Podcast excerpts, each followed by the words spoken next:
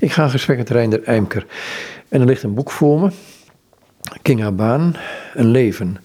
Ehm, ik heb het boek doorgenomen. Ik heb het niet helemaal 100% gelezen. En wat mij frappeert in het hele boek is, is één, één klein vraagje wat erin staat. Dat was gewoon de vraag die aan haar gesteld, stelt werd van als je nou bij Jezus bent, want ze was ongeneeslijk ziek, ze zou gaan sterven. Wat zou je hem vragen? En toen zei ze helemaal niets, want hij kijkt me dan aan. En, en ja, dat, op de ene manier dacht ik, ja, één zo'n zinnetje is misschien wel genoeg. Ja, ja Kinga die had echt uh, het verlangen om bij Jezus te zijn. En daar heeft ze echt voor gebeden en uh, heeft ze ook gekregen om het verlangen te hebben om bij Jezus te zijn. En vooral dat bij Jezus zijn, dat was voor haar iets, uh, iets heel bijzonders. omdat het voor haar ook wel heel erg gaf van dat daar geen pijn en geen verdriet en geen ellende is en geen moeilijkheden. En, uh, dus eigenlijk hoe het dan zou zijn, dat wist ze niet. Maar dat dat er zou zijn en dat dat zou gaan ervaren, dat was voor haar heel erg belangrijk. En Kinga had ook niet de, blik van terugkijken of achteruitkijken of uh, spijt hebben. Wel, dat, dat soort dingen die, die waren niet per se iets van haar. Dat was wel van, nou, ik ga naar voren en ik leef nu en ik leef vandaag en ik ga als ik dingen moet rechtzetten, dan ga ik dat daarmee aan de slag. Maar de vraag dus ook bijvoorbeeld, wat je ook kan zeggen van nou, uh, maar Jezus, waarom, uh, waarom gaf je mij kanker? Of uh, waarom heb ik kanker? Of waarom bestaat kanker in de wereld? Of ziekte? Ja, dat was helemaal niet in vragen. Dus dat zat helemaal niet in haar systeem. Dus het was meer het verlangen om dan verlost te zijn eigenlijk van alle narigheid, als dat de vragen zouden zijn. Ze leefde maar die vraag geldt jou eigenlijk nu eigenlijk veel meer nog. Met een blik op ehm, de toekomst. Nou, deels op de toekomst. Ehm, ook heel erg gewoon op het hier en nu. Want het hier en nu is eigenlijk wat we hebben. Hmm. En niet de toekomst weet je niet. En net als dat je wat er geweest is, is geweest. En wat de toekomst is, die weet je niet. Maar als je in het hier en nu dus met, met Jezus kunt leven, dan is het wel zo dat je denkt dat de toekomst hoopvoller is, omdat Jezus erbij is uh, God erbij is. Dus dat is wel iets wat, uh, wat voor haar heel erg speelde. Dus van hoe doe ik dingen vandaag? En dus heel erg uh, met Jezus. Uh, en dat voor ogen te hebben. Maar goed, ik kan het ook anders vragen. Je kunt gevormd worden door het verleden, wat we allemaal zijn in bepaalde mate. Of je kunt je laten vormen door de toekomst. Ja, nou, ik, ik, denk wel dat je, je bent ook wel gevormd door, door je verleden. Mijn moeder is contextueel therapeut. Dat gaat allemaal over gezinssystemen en dat soort dingen. Dus dat heb ik wel meegekregen. Uh, ja, op wat voor manier? nou ja, ik, kijk, uh, ik lijk op best wel op mijn ouders. Uh, en Kinga die heeft dingen die ze van haar ouders meegenomen heeft, waar ze op lijkt. dus weet je, je, de mensen waar je mee omgaat. ik heb in, de, in het verleden in Nepal gewoond. Ik ben daardoor gevormd. Dus, dus wat er is gebeurd, dat vormt je. En dan leef je niet in het verleden, maar dat, dat neem je wel mee. En ik denk dus dat je wel in het vandaag leeft, maar ja, wel met, wel met je geschiedenis. Uh, jij komt ergens anders vandaan, uh, hebt andere dingen meegemaakt en leeft wellicht dus vanuit andere gedachten. Dus dat neem je wel mee, ja. Maar ik proef bij haar dat het feit dat ze naar Jezus toe wilde, wat je zegt, zeker aan het eind van haar leven, dat het veel bepalender was dan datgene wat er gebeurd was. Uh, ja, nou kijk, toch voordat ze ziek werd, had ze al heel erg het verlangen om met Jezus te leven. En als je dan ziek wordt en je ervaart dus de omstandigheden die slechter worden en die minder prettig worden, dan uh, is het, merk je dat de behoefte aan God niet per se meer wordt, maar wel duidelijker wordt. En dat je denkt, oh, dit, is, dit is wat ik heb, dit is wat ik krijg. In plaats van dat je heel erg bezig bent met de wereldse dingen, want dat, dat gaat weg, dat valt ook weg. Als Kinga zieker werd, bepaalde dingen, activiteiten kon ze niet meer doen. Dus als je helemaal gezond en fit bent, kan je lekker overal naartoe en alles doen. En, op één dag wel twintig dingen doen. En zei ik moest elke dag kiezen om een activiteit te doen. Of een optreden, of een leuke uitje met vrienden. Weet je, maar je kon niet allemaal tegelijk. Dus heel veel dingen vallen weg. En dan merk je dus wat wel blijft en wat er wel is, is uh, God. Dat vertrouwen en die toekomst. Dus daar had ze wel behoefte aan, ja. Kun je het meer handen en voeten geven, dat, dat vertrouwen in God? Ja, nou, het, het heeft wel een stukje te maken met gewoon, eh, als ik naar mezelf kijk, naar het vertrouwen dat er is. Dus dat, je, dat het niet per se is iets wat je nu op dit moment in iets, iets tastbaars ervaart. Maar als ik bijvoorbeeld nu terugkijk naar de dagen die we uh, samen hebben gehad rondom Kinga's overlijden, of daarna, of de dingen die er gebeurd zijn, denk ik, heb ik wel het gevoel dat ik dat niet alleen heb hoeven doen. Of dat, er, dat, ik dus, dat we dus uh, gesteund zijn door God. Via mensen om ons heen, via de dingen die gebeuren. Als Kinga, bijvoorbeeld Kinga gaf toen aan, voordat ze overleed, hoe ze het zou willen uh, uh, hebben. Qua overlijden.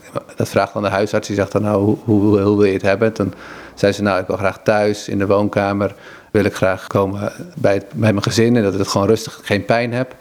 En eigenlijk alle dingen die zij genoemd heeft, heeft ze letterlijk gekregen in die week dat ze kwam te overlijden. En ze is niet aan de apparaten, geen uh, extra medicijnen. Of, uh, en en dat, dat, dat ervaar je, dat, dat zie je pas als je terugkijkt. Dus het is prettig hoe het toen gelopen is. Maar als je terugkijkt, hé, hey, dat, is, dat is zo gegeven.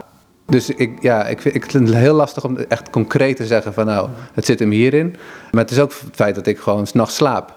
Weet je, dat ik gewoon uh, in omstandigheden uh, die ik heb, waar ik kinderen heel erg mis, waar ik zorg heb voor drie kinderen die ook uh, hun moeder missen, dat ik denk, ja, ik, ik, ik kan gewoon s'nachts goed slapen en ik kan ook genieten van de dingen in, in, het leven. En ik ben niet bezig met alleen maar de erge dingen.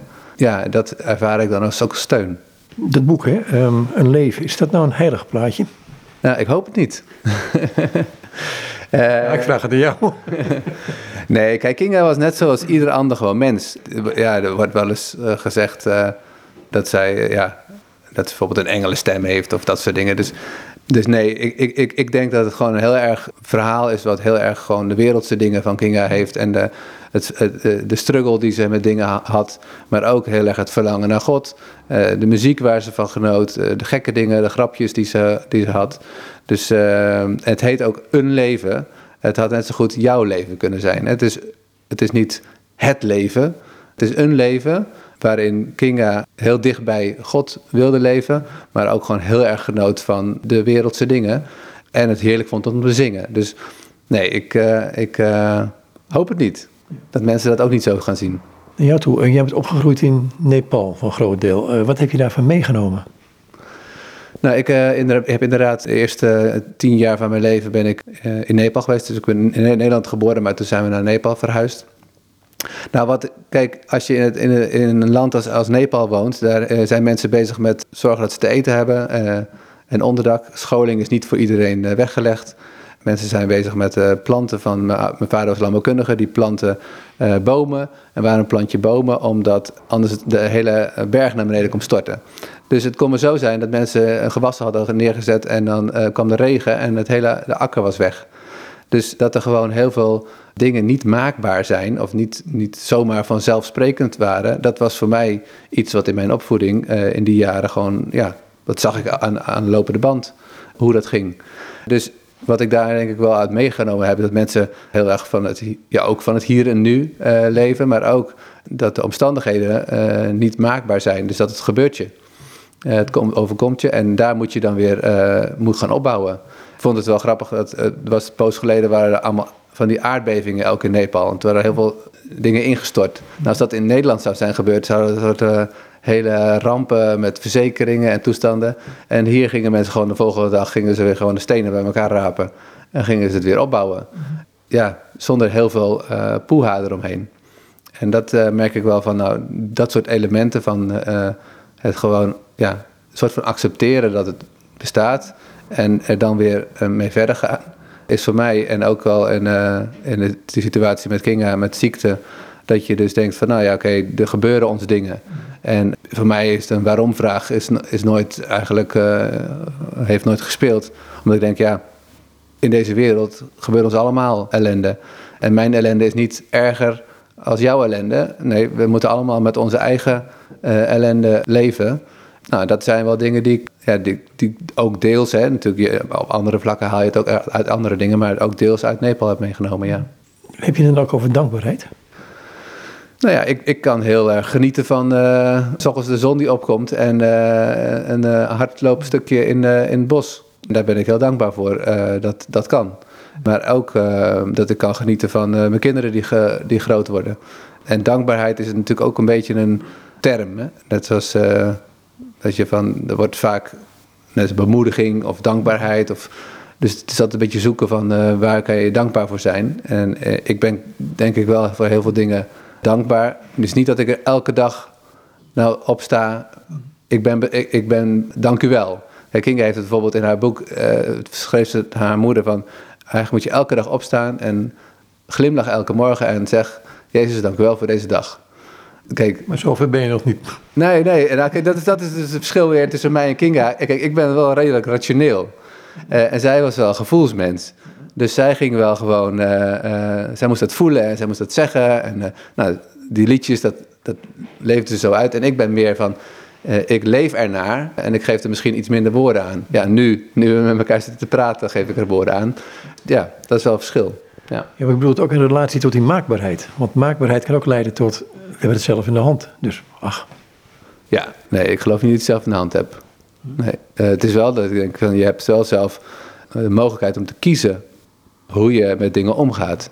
En daarbij helpt voor mij ook mijn geloof van, nou, dat uh, God erbij is. En ook al weet ik dat, voel ik dat niet elke dag, of zie ik dat niet. Uh, als jij vraagt, wat maakt het dus tastbaar? Nee, ja, lastig. Maar voor mij is dat wel een soort gegeven. En dat is dus ook van nou uh, maakbaar. Nee, ik, ik, kan kiezen om links te gaan en rechts te gaan. En ik ga, dan, ik ga dan mijn best doen. Ik ga dingen doen die ik denk goed te zijn. Maar dat het zometeen in één keer anders kan zijn, dat accepteer ik dan ook. Dus je, je gaat wel je eigen pad, of, een pad met God. En je gaat wel op zoek, maar het kan zo zijn dat je toch weer ergens anders eindigt. Je hebt Kinga op school, op de middelbare school ontmoet. Zij heeft een Hongaarse achtergrond. Ja, haar ouders zijn uh, eind van het communisme zijn ze gevlucht uh, uit een domineesgezin. De, de, haar uh, vader had een, was, haar opa was predikant. En die zijn naar Nederland gekomen via allemaal routes. Daar is ook een stukje in het boek over beschreven.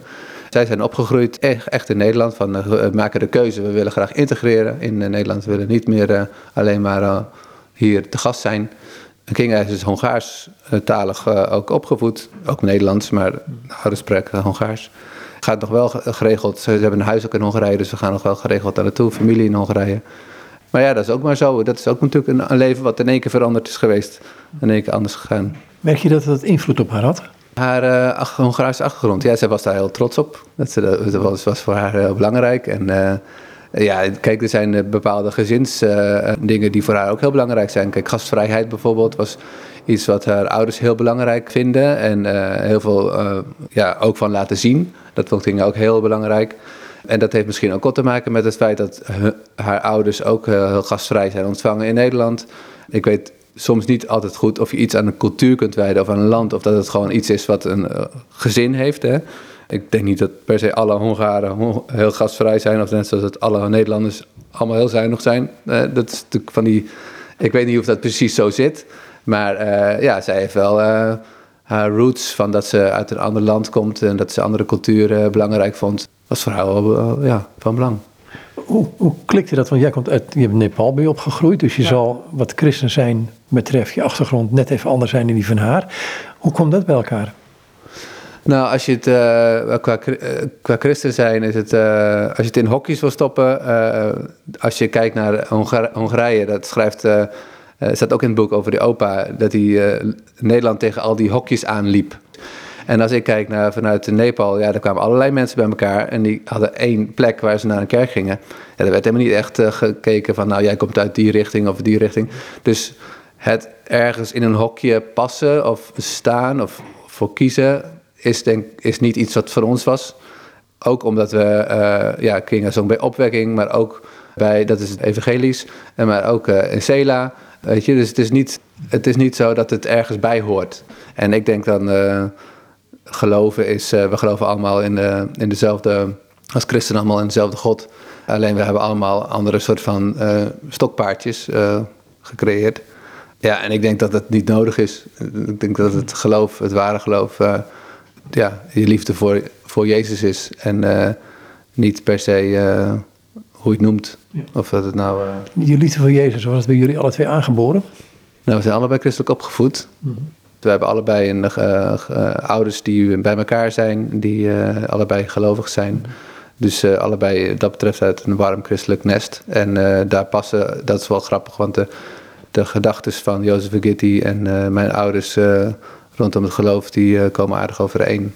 Dus dat hebben we meegekregen. Ja, en, en wij hebben ook natuurlijk uiteindelijk zelf moeten kiezen. Het is niet iets dat je dan niet kiest. Dus je ben je zelf in, in, in puberjaren ben je ook uh, tussen, ben je er minder mee bezig. Ik ben niet uh, altijd even trouw uh, naar de kerk geweest of dat soort dingen. Wat is een keuzemoment geweest? Nou, voor Kinga is het heel duidelijk. Dat staat ook op het boek beschreven wanneer zij daarvoor koos. Ik, ik ben zelf niet zo heel erg duidelijk met één punt. Ik ben iemand die graag nadenkt over dingen. Dus ik hou daarvan om een beetje tijd voor te hebben om over dingen na te denken. En dan gaat het altijd, gaan processen uh, langzaam. Dus het is niet iets waar ik dan heel duidelijk voor koos. Het is wel dat ik merk bijvoorbeeld nu Kinga ziek was en dat ik heb gezien hoe zij de laatste maanden met haar ziekte en met Jezus leefde. Dat het voor mij wel weer zo'n moment van opleving was. Van hey, eigenlijk valt alles weg op deze wereld. Zelfs dat je op een gegeven moment, hey, we zijn natuurlijk allemaal verknocht aan onze telefoon. Iedereen heeft zijn telefoon in zijn hand. Zelfs dat als je dan ziek bent en je ligt in je bed en je, hebt geen, je kan niet meer berichtjes sturen omdat het eh, niet meer van belang is, dan blijft het enige wat er over is, blijft dan je geloof. En als dat dan zo sterk is dat je er nog steeds van wil getuigen op het allerlaatst, uh, is voor mij wel een teken geweest van, nou ja, God, ja, die is er wel. Dus, dus dat soort momenten, die zijn voor mij wel uh, bewuste momenten van dat, dat ik kies. Maar dat is niet iets van, ik heb één moment, eh, toen kwam ik dat geloof. Maar die momenten dat, dat zij ziek werd, um, kun je het beschrijven hoe dat ging met jullie? Want ik kan me voorstellen dat je dat op een gegeven moment ook even denkt van de wereld valt in elkaar. Uh, ja, uh, toen, toen we het allereerste horen, dan denk je, oh nee, dit gaat echt... Het eerste horen dat Kinga dan borstkanker had, en dat het niet goed was. Dus dan denk je, nou oké, dan kan van alles nog. Borstkanker is niet de, de, ergste ziekte. Maar toen we echt hoorden van dat nou, het is uitgezaaid en het is echt kwaadaardig uitgezaaid. Ja, toen dachten we wel van oké. en toen hebben we even met elkaar ook gewandeld, trouwens, en buiten gelopen. En gehuild. En was, maar toen hebben we ook eigenlijk vrijwel direct gezegd van nou, deze ziekte gaat ons niet kapot maken. En daarin ja, hebben we wel gewoon ervaren dat het, dat het goed ging. Dat je, dat, je er wat, dat je er wat mee kon. En dat hebben we samen ook echt. Dat was een rationele beslissing eigenlijk. Van we gaan dat niet doen. En toen zijn we mee gaan, ja, gaan kijken van nou hoe, hoe gaan we hiermee leven? Hoe gaan we ermee om? En met dat je dan uh, ermee gaat kiezen van oh, hoe ga ik met dingen om? En dat is denk ik, als je het hebt over de maakbaarheid van net, van als jij um, kunt kiezen van nou uh, of je kunt accepteren dat er dingen gebeuren en dan kunt kiezen van nou, hoe ga ik hiermee om? Dat je dan soort van ermee kan leven en dat dat oké is, als dat je zegt van nee, ik wil het niet, we gaan helemaal, uh, helemaal achterna jagen om, om lichamelijk te genezen en uh, of behandelingen te volgen, of we gaan helemaal naar Nieuw, wel, Australië, want daar hebben ze een hele goede behandeling. Want dan ben je heel erg bezig met gewoon een soort van vechten in plaats van dat je eigenlijk accepteert dat uh, er gewoon in de wereld slechte dingen zijn en dat je daar uh, mee moet leven. Durfde je dat los te laten, het feit dat ze niet meer, niet meer zou genezen? Uh, nou, eigenlijk toen we, toen zij hoorden dat, toen we het horen van de kwaadaardige, was het eigenlijk van, het zou misschien maar een jaar kunnen duren. Uiteindelijk heeft het zeven jaar geduurd. Dus het is niet zo van dat ik had kunnen toen komen denken, oh, het duurt nog zeven jaar, ik kan het even loslaten of niet. het is toen al van, oké, we moeten we moeten gewoon gaan accepteren en we moeten gaan genieten en mooie momenten gaan hebben. Want je weet nooit hoe lang het gaat duren. Dus, het, dus ik, ja, ik heb niet echt, we hebben niet heel erg bewust dat ook vastgepakt van nou, we moeten nu. Nee, we gaan gewoon kijken van hoe gaan we dat gewoon elke dag kunnen doen. En wat we ook heel belangrijk vonden, dat heeft wel, trouwens ook wel heel erg meegespeeld. Van nou, wat, waar, wat, hebben, wat is de behoefte van onze kinderen? Hebben ze wat aan verdrietige en uh, ouders? Of uh, hebben ze aan, uh, meer aan ouders die ook gewoon ervoor gaan en positief zijn. En wat wil je dan ook je kinderen meegeven dan van hoe ga je om met ziekte, hoe ga je om met leed in je leven En dan ga je natuurlijk niet per se alleen een beslissing nemen omdat je pedagogisch uh, een goede keuze wil maken. Ik bedoel, het moet, ook wel bij, het moet ook wel kunnen. Maar het zijn wel dingen die mee hebben geholpen om te kijken van hoe ga je om met uh, hetgene wat je overkomt. Ja. Maar goed, gaan emoties gaan ook een enorme overhand krijgen. Ja, en dat is dus wel het verschil tussen uh, Kinga en ik. Ik bedoel, ik heb qua emoties ik zeg wel eens gekscherend, een beetje vlakkig. Hè? En Kinga had natuurlijk wel heel veel uh, emoties. Maar emoties zijn ook wel vaak van een moment. En als jij je emoties. Uh, King had dat heel erg. Als, ik, als hij had van als ik mijn emoties gewoon even los kan laten gaan, dan is het ook maar eventjes. Uh, want je kan niet uren gaan huilen. Weet je, dus de, op een gegeven moment zijn die tranen weg. Dus je, je hebt een moment van nou verdriet of wat dan ook, en dan komt er weer iets anders. Dus uh, dat was bij haar het geval. En voor mij is emoties van, ja, kijk, ik heb wel uh, emoties van verdriet of van uh, blijdschap. Maar als je dat, dat, dat, is niet het enige wat er is. En ik heb ook van, als je daar helemaal een soort van in een, dat verdriet laat gebeuren en dat vervolgens een soort van in, in een soort van modus belandt van verdriet, krijg je ook een soort van slachtoffer. En als je daarin zit, hoe, hoe kom je dan er weer uit? Dus voor mij is het ook wel een keuze om te zeggen van nou, ik wil niet in een soort slachtoffersituatie uh, belanden. Ja, en dus die emoties zijn er wel, maar ik wil ook niet helemaal daar uh, uh, door emoties laten bepalen. Emoties zijn misschien ook wel een soort van uitwerking van iets. Of een, een, een soort bijwerking van iets. bijwerking is het verkeerde woord misschien, maar ik, ik probeer me niet door mijn emoties te laten leiden. Want die kunnen dus de ene keer heel vrolijk zijn en de andere keer heel uh, verdrietig. Dus als je dan eentje gaat kiezen, dat is ook niet goed. Goed, kijk, je kunt, je kunt ook een andere keuze maken nog. En ik, ik gooi me voor je voeten, moet zeggen, weet je, weet je hoe je erover denkt. Je kunt, uh, dat heb ik ook al meegemaakt, het gewoon negeren op een gegeven moment. En, en net of het er niet is. Of het gewoon volledig, uh, ja, met, met in, volledig de hele wind ingaan.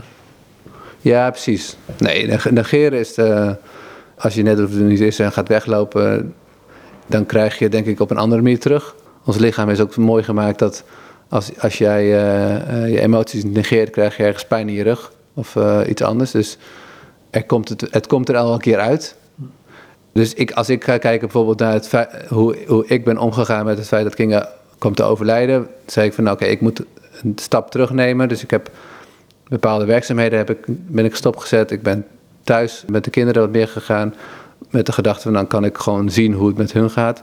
Maar ook, uh, ik heb veel tijd genomen voor sporten, tijd voor mezelf om, om op zo'n moment ook gewoon te kunnen, kunnen overdenken en dus eigenlijk dingen aan te gaan. Ik ben ook gewoon direct weer heel veel dingen gaan doen die, die we altijd al deden. Dus bijvoorbeeld uh, op vakantie naar Hongarije, waar we elk jaar naartoe gingen, was eigenlijk die zomer al meteen. Nou, dan kan je ook denken van, nou, ik ga nu dit jaar een keer niet naar Hongarije, want daar was Kinga altijd. En was altijd zo'n leuke plek. Dus ik ga het uit de weg. Dat kan één route zijn, de andere route kan... Nee, ik ga er juist naartoe, want uh, dat is zoveel heel mooie herinneringen. Dus ik ben ik proberen gewoon de, de, gewone dingen die we altijd deden ook gewoon aan te gaan. En dus de contacten en de, de dingen die we altijd deden, waardoor je dus heel vaak ook even, naast dat dingen leuk waren, ook wel een verdrietig moment had. Uh, en dan ben ik niet iemand die dan aan tafel uh, gaat lopen huilen. Maar als ik dan bijvoorbeeld ga wandelen of ga hardlopen of, ander, of ga sporten, andere dingen gaan doen, heb ik wel het moment om eens bij stil te staan. Soms verdrietig te zijn, als over na te denken. En ook te denken van nou, hoe, ga ik, hoe gaan we dit nu, nu weer aan? Is, het dan belangrijk om alleen te zijn voor jou? Ja, ik ben iemand die best wel een zorger is. Dus ik doe veel uh, in, in, samenwerking met, met, met, anderen ben ik vaak ook wel gewoon... Dus met mijn kinderen ben ik iemand die gewoon uh, ondersteunend is. Maar ook met Kinga was ik heel erg in de zorgmodus. En op de momenten dat je alleen bent, dan ja, wordt er even geen vraag aan je gesteld. Of geen, niks, wordt eigenlijk niks van je verwacht. En kan ik gewoon wel heel goed relativeren en nadenken. En ook gewoon even de emoties loslaten. Of, ja. Kijk, zij gaat er dwars doorheen. Jij op een bepaalde manier ook, maar je staat er ook bij. Ja, kijk, zij gaat dwars door, eh, door, eh, door haar proces heen en ik ga natuurlijk dwars door mijn proces heen. Maar ik, ik, eh, als zij, zij door, door de ziekte heen gaat, sta ik erbij. Ik, heb, ik ervaar niet die pijn die zij heeft gehad. Ik ervaar wel de pijn van het feit dat je je partner pijn ziet hebben. En de worsteling die zij had met het loslaten van haar kinderen. Weet je, dat, maar voor mij is dan de worsteling, oh, Ik zie mijn kinderen straks zonder moeder of nu zonder moeder en de pijn die daarmee te maken heeft. En daarin is dus uh, eigenlijk, zij stond naast mij in mijn proces en ik stond naast haar in haar proces. En sommige dingen spreek je niet uit, maar... Uh, Zoals? Nou, dat, ik zei, zij zei wel eens van, nou, hoe moet dat dan straks? Dan zei ik, daar gaan we niet over hebben, want dat zien we straks wel. Weet je wel? Deels is dat omdat, omdat je gewoon in het hier en nu wil leven. En deels is dat omdat je het ook niet weet. En het was wel een zorg voor haar, voor mij. En die wou ik weer bij haar wegnemen om te zeggen, ja, dat, die hoef je niet te hebben. Dus ja, op die manier. Hoe hou je haar voor, voor haar kinderen levend? Of is, doe je dat? Nou, wat ik nu van dit boek heel erg leuk vind, is dat mijn kinderen, die, die lezen het, dus worden nu voorgelezen eruit. Mhm. En ik zou kunnen denken, nou, dat wil ik helemaal niet horen. Dat zouden ze kunnen denken. Ik hoef dat niet, maar zij zijn allemaal heel erg nieuwsgierig naar wat er allemaal verteld wordt en wat er, eh, wat er gebeurt. Ze moeten erom lachen, ze sommige stukken vinden ze saai. Dus dit is bijvoorbeeld een manier om haar, uh, hun moeder te leren kennen. Maar andere dingen zijn ook gewoon dat je het gewoon. Uh, wij vinden bijvoorbeeld altijd leuk om, om op haar verjaardag of op, haar, of op moederdag bijvoorbeeld, wat er nu aan zit te komen, dingen te doen die Kinga leuk vond. En dan zeg ik, ja, hoe, hoe hou ik hun moeder bij hun in het hoofd? Of niet dat ik ze per se in het hoofd moet houden, maar is het vaak herinneringen die, die voor ons heel veel waarde van zijn. En dat is ook iets wat wij in ons leven hebben geprobeerd. In tijd van ziekte ook, maar gewoon heel veel dingen met elkaar te doen. Dus tijd met elkaar. Want heel veel dingen, materiële dingen, die zijn niet belangrijk, maar tijd met elkaar geeft een herinnering. En die herinneringen ophalen met foto's. We hebben heel veel foto's gemaakt. En dat vinden de kinderen gewoon leuk om te kijken. En, maar ook gewoon gesprekken. Bijvoorbeeld, uh, Ike zei tegen mij van de week. Staat dat verhaal van Australië dat ik uit de buggy werd geslingerd er ook in? Ik zo, nee, nee, niet alle verhalen staan in het boek, weet je. Dus sommige zijn ook gewoon herinneringen die we hebben. Dat snapte ze natuurlijk ook wel, maar dat was een beetje een grapje met haar van, oh, staan dat soort dingen ook in het boek? Want ik ben nu gewoon niet helemaal, niet helemaal gelezen. Maar dus dat je met elkaar die herinneringen hebt en dat met elkaar bespreekt en dat uh, Kinga op dat moment helemaal geschrokken was dat zij uit die buggy viel en dat ik een kop kreeg van haar, van Kinga, dat ik zo roekeloos was geweest. Dus, dus die herinneringen met elkaar delen is wel eh, van waarde. En het ook gewoon wel erover hebben. Eh, weet je, we, hebben, we zeggen nog steeds, oh dat is van mama, dat ding. Of, of heb je die, uh, de iPad van mama nog? Weet je, het is eentje, die, weet je, het is geen verboden, verboden woord om, om, uh, om haar te noemen. Nee. Verbaas je die hele rouwverwerking? Want je weet niet hoe lang het duurt. Nou, je zegt rouwverwerking en dat is altijd een term, ik struikel altijd over verwerking. Ja, noem het anders. Nou ja, ik noem het dus acceptatie van, uh, van, van missen en van verlies.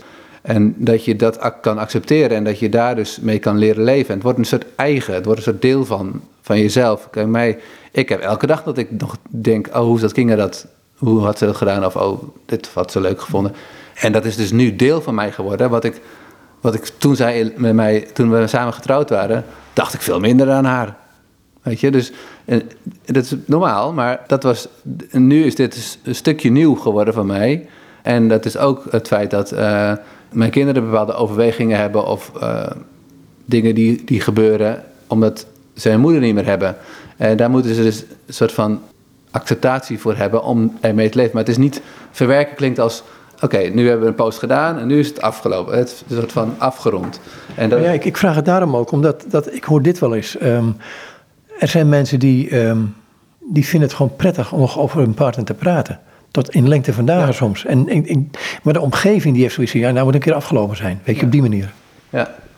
Nee, ja, ik, heb, ik vind het ook, uh, als, als mensen erover vragen, vind ik het leuk om erover te hebben. Ik, vind, ja, ik vond haar heel leuk. ja, nee, maar ik bedoel, ik, uh, ik kan er wel uren over praten. Uh, en ik ben wel bewust dat ik dat niet doe. Want, want dat is wel wat jij zegt van, nou, Misschien zitten andere mensen niet op te wachten. Dus eh, ik begin niet zomaar over Kinga. Maar wel als we bijvoorbeeld zeggen, oh, eh, als iemand zegt, nou, ik ga naar Thailand op vakantie. Zeg, oh ja, leuk, eh, ben ik ook geweest. En uh, ben met Kinga, dit of dat. Weet je, dus dan, ik zeg, ik schroom niet om dan haar, haar te noemen. Maar gewoon lukraak de hele tijd. Ik, ja, ik snap dat wel, dat, je, dat mensen daar ook niet uh, mee bezig zijn. Hè? Maar, maar heb je zelf ook die ruimte nodig om af en toe gewoon met mensen over haar te kunnen praten. Mensen die je goed kent. Ehm, Nou. je hebt het over je kinderen al, maar ook, ook, ik kan me voorstellen dat je dan toch op een gegeven moment behoefte aan een soort ehm, ja, klankbord hebt. Ja, nou ja, ik heb gewoon eh, goede vrienden waar ik eh, eh, terecht kan. Dus ik, heb, ik vind het leuk om dan over dingen te hebben. Maar ik weet, niet, ik weet niet, ik ben niet per se van, nou, ik moet het nu even... Ik heb nu een wekelijkse behoefte om een gesprek over Kinga te voeren. Dus het gaat vaak bij mij wel gewoon in de alledaagse dingen. En ik vind het dus leuk om te sporten. Dus ik sport met veel mensen. En tijdens het sporten om dan over dingen te hebben. En, en dan komen er ook wel... eh, de ene keer zijn het gewoon koetjes, kalfjes. Maar de andere keer zijn het diepere gesprekken. En dan, eh, dan vind ik het wel lekker om erover te, ook erover te, kunnen hebben. Wat is in het boek nou zo'n moment wat je heel waardevol vindt? Want het boek staat vol, vol met van die momenten, dus je, kunt, je moet nog kiezen ook. Ja, ja lastig. Ik heb... ehm, eh, of ik één moment heb uit het boek. Nee, ik, ik, ik, heb, ik, ik vind eigenlijk wat ik, wat, ik, wat ik mooi vind om te zien... is dat Kinga gewoon in haar alledaagse momenten... door, eigenlijk door andere mensen is geschetst. Of eh, neergezet. Dus Kinga deelde heel veel in haar leven... maar eh, ik zei het al eerder van bij de boek, ook bij de boekpresentatie... heel veel mensen hebben haar nu geschetst in, het, in hun verhalen, hoe zij haar zien. En dat is opgeschreven. En het mooie daarvan is dat ik dat ook heel erg herken. Dus ik zie van dat zij liefde voor haar naaste, liefde voor de mensen om haar heen, maar ook hoe vol ze was van eh, Jezus, dat je dat dus terugziet eigenlijk in alle verhalen. Dus ik heb, ja, één moment heb ik niet. Ik vind het wel bijvoorbeeld heel leuk, bijvoorbeeld hoe op de, eh, eh, het conservatorium de verschillende docenten over haar iets teruggeven. En dan denk ik, oh ja, dat is grappig, want het is gewoon echt haar worsteling met... ik heb geen zin in school, eh, ik, ik hou niet van studeren, ik wil eh, eigenlijk niet... als ik, iets, als ik het conflict vermijdend eigenlijk, dat ze zeggen als ze ergens geen, niks had voorbereid, ging ze er gewoon niet naartoe.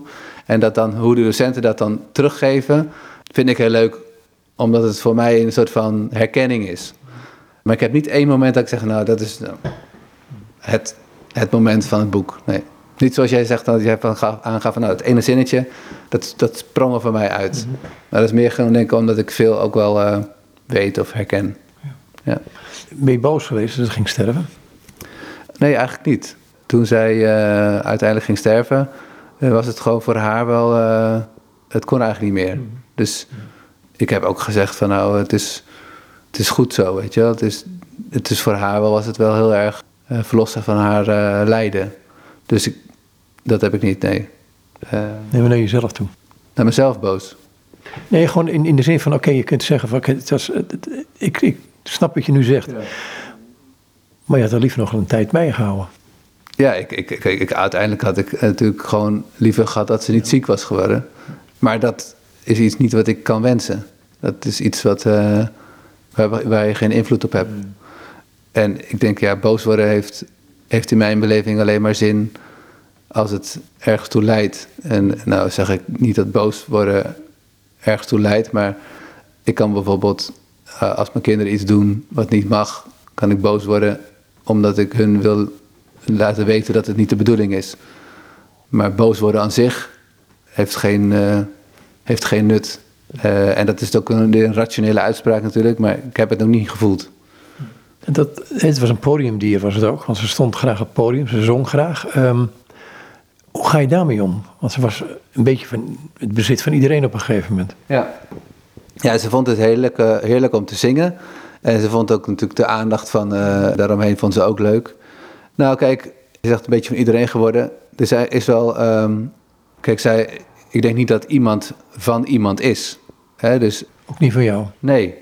Ze, zij, Kinga is, was mijn vrouw, maar Kinga was Kinga en niet van iemand. Eigenlijk, is, mijn kinderen zijn ook niet van mij. Hè? Ze zijn eh, uit mij voortgekomen, maar ze zijn hun eigen persoon. En Kinga die koos er heel erg voor om te delen van haar eh, leven. En daarmee ook een stukje van iedereen te worden. Eh, Maar dat ben je dus eigenlijk al omdat je dat zelf mag kiezen. En wat zij vertelt zijn verhalen. En, en verhalen die zijn van iedereen. Terwijl als, als ik kijk bijvoorbeeld de momenten die je met iemand meemaakt. Dat zijn dingen die eh, op dat moment samen meemaakt. Dus die zijn dan op dat moment van jou samen. Maar als ik ze dan vervolgens aan jou vertel. dan was het moment nog steeds van ons samen, maar het verhaal is van ons allemaal. En ik heb niet het gevoel dat zij van mij moet zijn. Hè? Dus wat ik met haar heb, heb eh, is heel, heel waardevol en fijn. Maar het is niet zo dat ik denk van nou, eh, het is per se van mij. Snap je? In, in die zin misschien de andere kant ook op. Ehm, je was met haar getrouwd. Um, je bent een eenheid. En een deel van jou is niet meer dan als jullie een eenheid waren. Ja, nou, ik, ik mis wel een groot deel van, van haar. Ook in, in die zin dat, uh, dat zij een hele goede aanvulling had op mij. En dat ik... ja, zij corrigeerde jou, laat ik het maar even in de negatieve tempo zeggen. Ja, je wordt gecorrigeerd, maar ook aangevuld. Ik bedoel, zij was gewoon heel goed uh, met sociale activiteiten. En uh, nieuwsgierig naar mensen zijn en belangstellend. En, en ik moet daar meer, meer mijn best voor doen. Niet dat ik dat niet kan, maar het was wel heerlijk dat zij bijvoorbeeld al die dingen deed en ik andere dingen kon doen. Maar ook wel een stukje opvoeding. Dus kijk, zij was heel veel knuffeliger als ik. Dus mijn kinderen, denk ik, ja, ik moet wel vaker knuffelen. Snap je? Omdat dat, dat zij dat niet, dat zij dat deed. Dus, maar het is ook zo dat zij, je zegt, mis, wat, je noemde het net even van dat zij een deel van mij weg is. Mhm. Het is ook wel weer een deel van haar is het fysieke is weg, maar een deel van haar zit ook wel weer in mij, omdat ik haar gedachtegoed en alles nog meer ben gaan waarderen en onderdeel van mij heb gemaakt. Hè. We zijn zo lang ook samen dat je op een gegeven moment dezelfde gedachten over dingen hebt. ik, ik, bedoel, ik, ik vind het het wonderlijke van het huwelijk hoor, dat je tot een eenheid ja. wordt. Uh, ik heb het meer gezien, mensen die hun partner verliezen. Het is alsof een stuk van hun weggescheurd is. Ja, het, ik, ik, ik voel wel een soort um, gat. Mhm. En dat is niet op te vullen door bijvoorbeeld mijn moeder die eh, iets doet met de kinderen. Of dat je iets wil bespreken, als ik wil iets bespreken met, over mijn kinderen bijvoorbeeld met iemand anders, dan is dat nooit hetzelfde als met Kinga. Omdat zij, zij was hun moeder. Ja, zij heeft de pijn en de vreugde van de geboorte gevoeld. Ja. En, en dat is wel iets, dat is wel iets dat je heel erg uh, mist. Dus het, ja, het, ze blijft altijd wel een stukje van je. En je mist dan gewoon, dat, dat zijn de dagelijkse dingen ook waar je gewoon al tegenaan loopt. Heb je dan, ik ga weer naar die momenten toe, want je, je, je, je rent door de bossen heen hier. Heb je die momenten van stilte dan uh, alleen met jezelf en alleen met God nodig? Om gewoon ergens een, een beeld te krijgen van waar ben ik mee bezig? Ja, ik, ik uh, vind het wel lekker om, uh, om stilte te hebben, ja. En tijd gewoon om voor jezelf te, dingen te kunnen doen. Maar dat, dat is net hardlopen bijvoorbeeld, maar ook gewoon hier uh, in de tuin of uh, iets te doen. Om ook te kunnen overdenken. En dat was uh, voorheen misschien wel dat je ook, dat had ik ook toen wel, maar dat je dan ook wel gewoon eens rustig met Kinga ging zitten. En dat rustig met Kinga zitten is er niet. Maar dat is wel op dat soort momenten dat je dan denkt, oh ja, innerlijk gesprek. Maar ook wel met, met God, dat je kan daar dingen bij kan neerleggen. Dat ik zeg, nou zo zit het. Ik heb het nu uh, hier, alsjeblieft. En dan weet je niet hoe het gaat. Zoek het maar uit, ja, een beetje oneerbiedig gezegd. Ja, zo van nou, dit is het. Hier ben ik mee bezig. maar ja, gewoon ik heb al, ook toen Kinga ziek werd gezegd van nou, je hebt gewoon een paar ballen hoog te houden. Of gewoon een paar. Je hebt gewoon ballen hoog te houden. Eén daarvan is, was toen Kinga uh, de andere was uh, de kinderen, uh, je gezin, je werk en ja, ook gewoon je eigen gezondheid en je eigen zijn. En daar hoort voor mij al heel veel momenten van, ja, ook alleen, maar ook stilte. En vaak als je met andere mensen bent, dan krijgen worden toch dingen ingevuld. En als je alleen bent, heb je dat niet. Ja. Is, is, is die omgang met God zo persoonlijk? Nou, ik, ik weet niet of het heel persoonlijk is, maar om daar altijd maar woorden aan te geven, dat is lastig. Ook, ook als je, nee, maar nu ook, bijvoorbeeld als je, als je de vraag stelt om echt de goede woorden te geven. Soms zijn, zijn dingen niet in woorden te vangen. En is bijvoorbeeld een lied eh, wel fijn, omdat het gewoon muziek en er zijn natuurlijk ook woorden bij, maar dat komt bij elkaar. Uh, maar ook gewoon uh, door gewoon niks, weet je. Uh, of dat iemand het dus aanhoort, maar en niks zou zeggen, weet je wel. wel, begripvol, maar nou, dat is best lastig, want het is niet iets wat ons mensen is. We gaan vaak onze eigen verhalen delen en ook advies geven of dingen zeggen. En als je dan met andere mensen bent, dan ben je toch ook wel van, nou, oh ja, dat zit er wat in. Of dan wil je ook niet de botte boer zijn en zeggen van, hé, hey, nee, dat is echt niet zo. Weet je, dus, dus ja. Ik kan het, bijna weer naar die tekst gaan in het begin van, um, het is eigenlijk genoeg als iemand je al, je al aankijkt. Hè? Als mensen er zijn al bij je, ja. um, en gewoon aankijken, dat kan al genoeg zijn. Als God je nou aankijkt. En, en ook, ik ook in, het, in het lied van uh, vandaag, hè, zingt ze, je hoeft maar één ding te doen, dat is er zijn. Hè, dus er zijn is vaak gewoon iets moeilijks. Hè? Ja, want je moet ook helemaal open voor de ander zijn. En, ja. en, maar dat is lastig. Ja. En, dat is, en ik merk wel, er zijn is wel in deze maatschappij, in het Westen dan vooral, tijd. Gewoon, gewoon de tijd hebben om te zitten en met iemand te zijn. En dat betekent dat het kan zijn uh, om wat te sporten, maar het kan ook zijn om gewoon te eten. Of het kan ook zijn om iets anders. Maar, en, en dan niet met een agenda. Dus uh, gewoon niet om te zeggen van hey, we moeten nu nog even dat bespreken, dat bespreken, dat bespreken. Of we moeten nog even, we hebben een meeting, of we moeten uh, iets maken. Of, maar gewoon, oké. En, en dat er zijn is ook iets van, nou, je hoeft maar één ding te doen, dat is er zijn. Als ik dan kijk bijvoorbeeld naar Kinga, die dan bijvoorbeeld belangrijk vond om s'avonds de kinderen voor te lezen. En dat ik dan zei, ja Kinga, het is nu echt al negen uur. Je moet nu echt stoppen. Weet je, met. Maar dat was voor haar zo van, nee, dit is de tijd die ik ben om te zijn. Uh, en dat het iets langer duurt, ja, dan, dan duurt het iets langer. Dan gaan ze maar iets later naar bed. Snap je? Dus dan gewoon het moment om er met elkaar te zijn dat is wel uh, zo'n tekst, ja. Ik kun een paar teksten lezen uit het boek. Het is best een, uh, misschien van haar liedjes, of de liederen die zij gezongen heeft, gemaakt heeft. Ja, ik kan wel een stukje. ja. Nou, hier de, liedtekst in goede handen. ik weet dat ze er zijn, wees maar niet bang, want jullie zullen in goede handen zijn. En ehm, Kinga die heeft heel lang gepuzzeld over uh, het maken van een lied voor haar kinderen. En dat was nooit goed genoeg. En met deze tekst zegt ze eigenlijk, dat heeft ze ook een keer in een interview gezegd, zegt ze van nou, uh, dit bid ik mijn kinderen toe. En dat is eigenlijk het mooiste wat ik ze mee kan geven.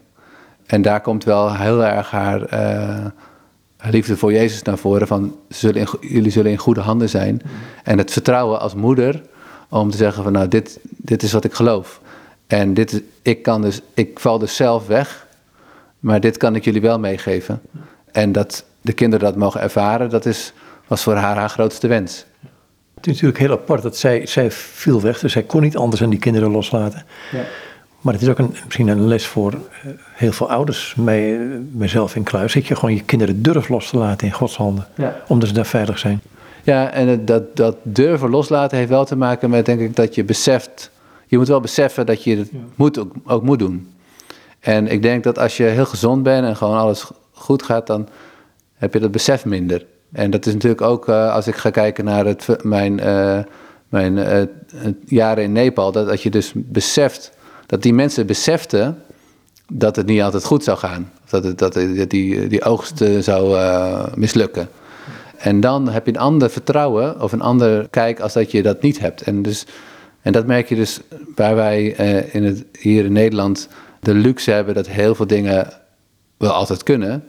Uh, heb je dus het besef van ik moet het dus loslaten of ik, ik, ik kan het niet alleen. Heb je heel vaak niet omdat het er ook niet echt is. Snap je? Je moet het wel. Dat Kinga ervaarde van nee, ik word ziek, ik ben er straks niet meer. Dat heeft ook invloed. Dat is niet, als, je dat, als ze dat nu helemaal niet had gehad, had ze nog steeds misschien uh, net zo goed uh, geleefd met God. Dus dat ik, want zij was voordat zij ziek was, was ze ook heel erg, uh, leefde ook heel veel met Jezus. Maar dan zou ze misschien deze tekst niet zo hebben ge, ge, uitgesproken, omdat je denkt, nou, ik ben er nog best wel lang. Ze hield ook niet van clichés, heb ik ooit van jou begrepen. Nee, ze, ze hield niet van clichés, maar ligt er nog toe, bedoel je, als je... Nou, dat ze als ze uh, liederen maakt of in de verkondiging uh, en in optredens, iemand moet kunnen begrijpen wat je zegt. Ja, en dan is vaak, vaak heel veel van het christelijk clichématig, als je dat de wereld in strooit, dan denk je, wat heb, je nou, wat heb jij het over? Ja. Kijk, Kinga hield ervan op simpele taal, uh, dus dat het voor iedereen concreet was. Maar dat het ook wel heel duidelijk was van, van hoe het zat. En zij moest het zelf begrijpen en voelen. Dat zegt ze ook bijvoorbeeld, uh, we hebben nu een documentaire gemaakt, die, is er, die wordt nu vertoond. En daar zegt ze ook, van, vertelt ze over de bergreden. En dat ze zegt, nou, heel veel dingen begrijp ik niet. Maar één ding, één zinnetje is heel makkelijk. En dat, dat is dat God zegt, ik ben altijd bij u. Dat is wat ik begrijp en dat is oké. dat ik dus dingen niet begrijp, maar dit begrijp ik. En uh, dan vervolgens zingt ze het lied Ik zal er zijn. Dus, uh, dat God, dus ik ben wie ik ben, ik zal er zijn. En zo stond Kinga dus ook in haar geloof en ook in haar liederen. De dingen die ik niet begrijp, kan ik gewoon zeggen dat ik ze niet begrijp. En dingen die ik wel begrijp, die kan ik bezingen en die kan ik vertellen. En over dingen die ik niet begrijp, daar ga ik gewoon nog eens over, eh, langer over nadenken. Uh, of ik laat ze gewoon even in het midden. Dus ja, zij was wel heel. Uh, de dingen die ze zong, die zei ze ook van, nou, ik moet alles wat ik zing, was eerst zong ze natuurlijk ook gewoon in allerlei feestbandjes. Op een gegeven moment zei ze, alle dingen die ik zing, wil ik ook achterstaan. Dus ik wil het zelf voelen, het zelf ervaren. En dat is denk ik ook wel heel krachtig van haar geweest. Waarom ook heel veel liederen waar mensen zeggen, ja, het komt wel binnen. Ja, het was doorleefd. Het was niet zomaar een liedje of een, wat jij zegt, een cliché van nou prijs God, uh, dat is een soort van uh, prijzen God. Weet je wel? Nee, als Kinga dat zong, dan was het omdat ze dat deed. En niet omdat het een bijbelse manier is van iets moeten doen. Hoe ga jij de toekomst tegemoet? Nou, ik ben, ik ben net verhuisd. of is het, ik, ik ben nu aan het verhuizen. Ik ben vanaf Houten naar Olst gegaan waar we nu zitten in Olst. En als je gaat hebben over toekomst, ik heb best wel lang niet echt per se nagedacht over toekomst. Omdat dat ook uh, ja, soms pijnlijk is. Van, uh, ik had, toen, nog, toen wij nog samen jong waren, zei ik tegen Kinga van nou, als ik 50 ben en de kinderen uit huis zijn, gaan we weer wereldreizen maken. Dus dat is over de toekomst nadenken. Nou, dat is dus gebleken dat het helemaal niet gaat gebeuren en helemaal niet kan gebeuren. Dus, dus op die manier, toekomst is lastig. Maar dat ik nu al merk van, nou kijk, ik, om alleen maar uh, niks, niks over de toekomst te bedenken is ook niet goed. Dus nu uh, de stap naar Oost is echt wel een bewuste stap van nou, ik uh, ga wat anders doen. Ik ga hier verbouwen en we gaan hier een nieuwe wonen maken. maar ook weer een andere omgeving. En in, die, in die zin zet je een stap in de toekomst. Maar heel ver de toekomst inkijken is nog steeds niet iets wat ik heel bewust doe. Nee. Het is allemaal wat onzeker en wat losser geworden.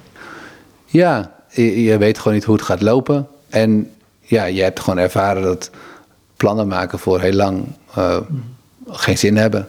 Ja, het, je kunt wel maken, maar het hoeft niet uit te komen. Snap je? Dus ik, wil, ik wil niet zeggen dat je geen plannen moet maken, want dat doe ik ook.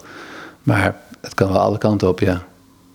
Is nou door je omgang met kinderen, wat er gebeurd is, jouw vertrouwen gegroeid? Of ben ik nu te snel? Vertrouwen gegroeid in God? Mm -hmm. Nou, ik heb, ik, ik heb wel door haar lijdensweg, hè, als je dan, uh, als, hoe dat geweest is, heb ik, en haar geloofsvertrouwen, heb ik wel vertrouwen dat God er is. Waarbij het uh, ligt mij vroeger een soort van meer een feitelijke uh, beslissing was, of een rationele beslissing. Een rationele bedoel ik meer. Is het nu ook meer gewoon dat ik denk van ja, nee, ja, het is er gewoon zo. Het is, hij bestaat. En dat is bijvoorbeeld het, het, feit dat Kinga in de, de laatste zondag dat we met elkaar waren, was er een, hadden wij een soort thuis een paar liederen zingen met de gezin, een soort kerkdienstje. En dan, toen was de dagtekst van die dag, was, u weet toch dat ik van u hou? En daar heeft zij haar laatste tour, waar ze super blij mee was, met alle liederen en het album, heeft zij daar, was, dat de, was dat de tekst. En zo zijn er wel meerdere momenten geweest dat het precies op dat moment zo gebeurde. En dan denk je, dat zijn, voor mij zijn dat dan knipogen van hé, hey, ik ben erbij. Dus, dus daar heb ik wel vertrouwen in, ja. En dus, ja, ik heb wel vertrouwen. Blijft het verdriet? Ik denk het wel. Het is niet minder geworden. dus, dus dat is denk ik iets van, van het leven. En ik, ik vind het ook niet per se erg. ik, ik heb die, uh, licht hebben mensen die film wel eens gezien. Uh, met, ik heb met mijn kinderen toen gekeken. De film van Inside Out zijn van die stemmetjes, poppetjes in je hoofd. Dat je verdriet hebt, boosheid hebt, alle emoties heb je. Dat is een kinder, kinderfilm. En daar wordt verdriet heel tijd weggestopt. Want wat heb je nou aan verdriet? Je moet vrolijk zijn.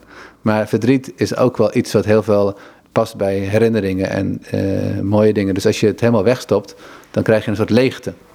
En dus, dus verdriet is wel, maakt ook, maakt ook iets moois los. In de zin van dat het geeft ook uh, ja, de mooie kanten weer die je mist.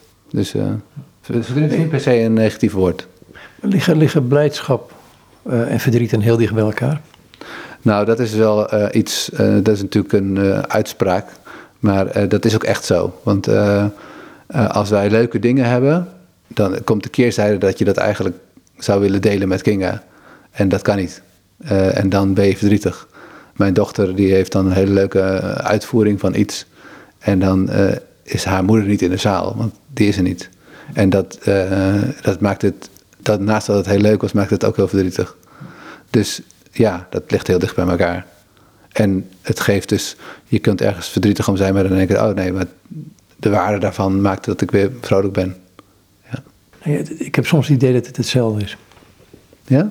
Ja, een verdrietige blijdschap, een blijdschap of verdriet is dat. Ik heb in ieder geval vrolijkheid en gewoon grap en dingen maken, maar gewoon, ja. er zit iets in de intentie van het leven, wat, wat het zo dicht bij elkaar brengt. Ja. Nou, het zijn natuurlijk allebei heel erg uh, echte emoties. Je bent verdrietig en dan heb je ook, voel je ook echt dat je verdrietig bent. En als je vreugde hebt, echte vreugde, los van een grapje natuurlijk, dan voel je dat ook heel erg. Dus uh, ja. Ja, misschien is het wel zelden. Ik weet het niet. Niet zo. Heb, heb, je dat, heb je dat, nou ja, daar hoef je er over na te denken. um, maar heb je dat ook zo, als ik, naar, als ik terugkijk op het hele leidersverhaal van, van Kinga, tot het einde toe, is dat zo'n onderliggende stroom geweest? Vreugde en verdriet? Ja.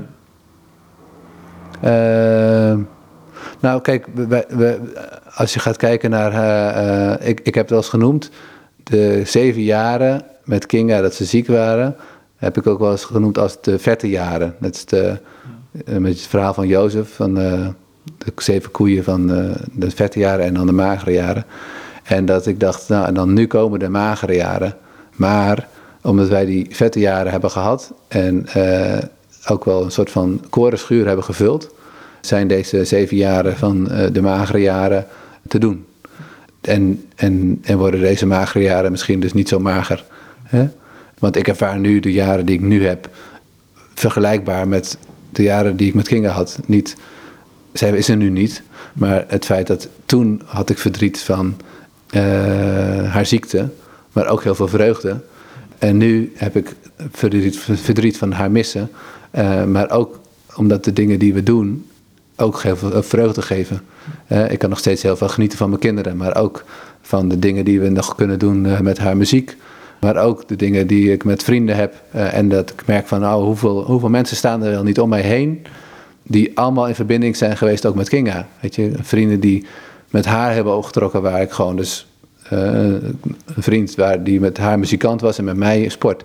En wij hebben gewoon hetzelfde kunnen delen met elkaar. Dus dat is ook mooi, weet je. Dus, dus ja, mijn leven is nu wel anders, maar in heel veel dingen ook weer uh, dingen die overeenkomen minder vanzelfsprekend? Um, nou, ja, ik denk dat het leven überhaupt niet vanzelfsprekend is.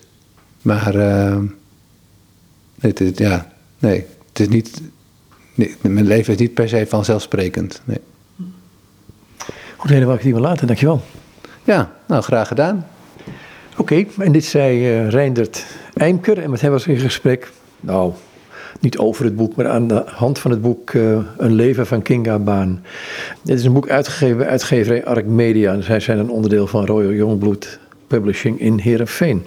Goed, nogmaals dus, dat zo voor dit gesprek met Reinder Eimker.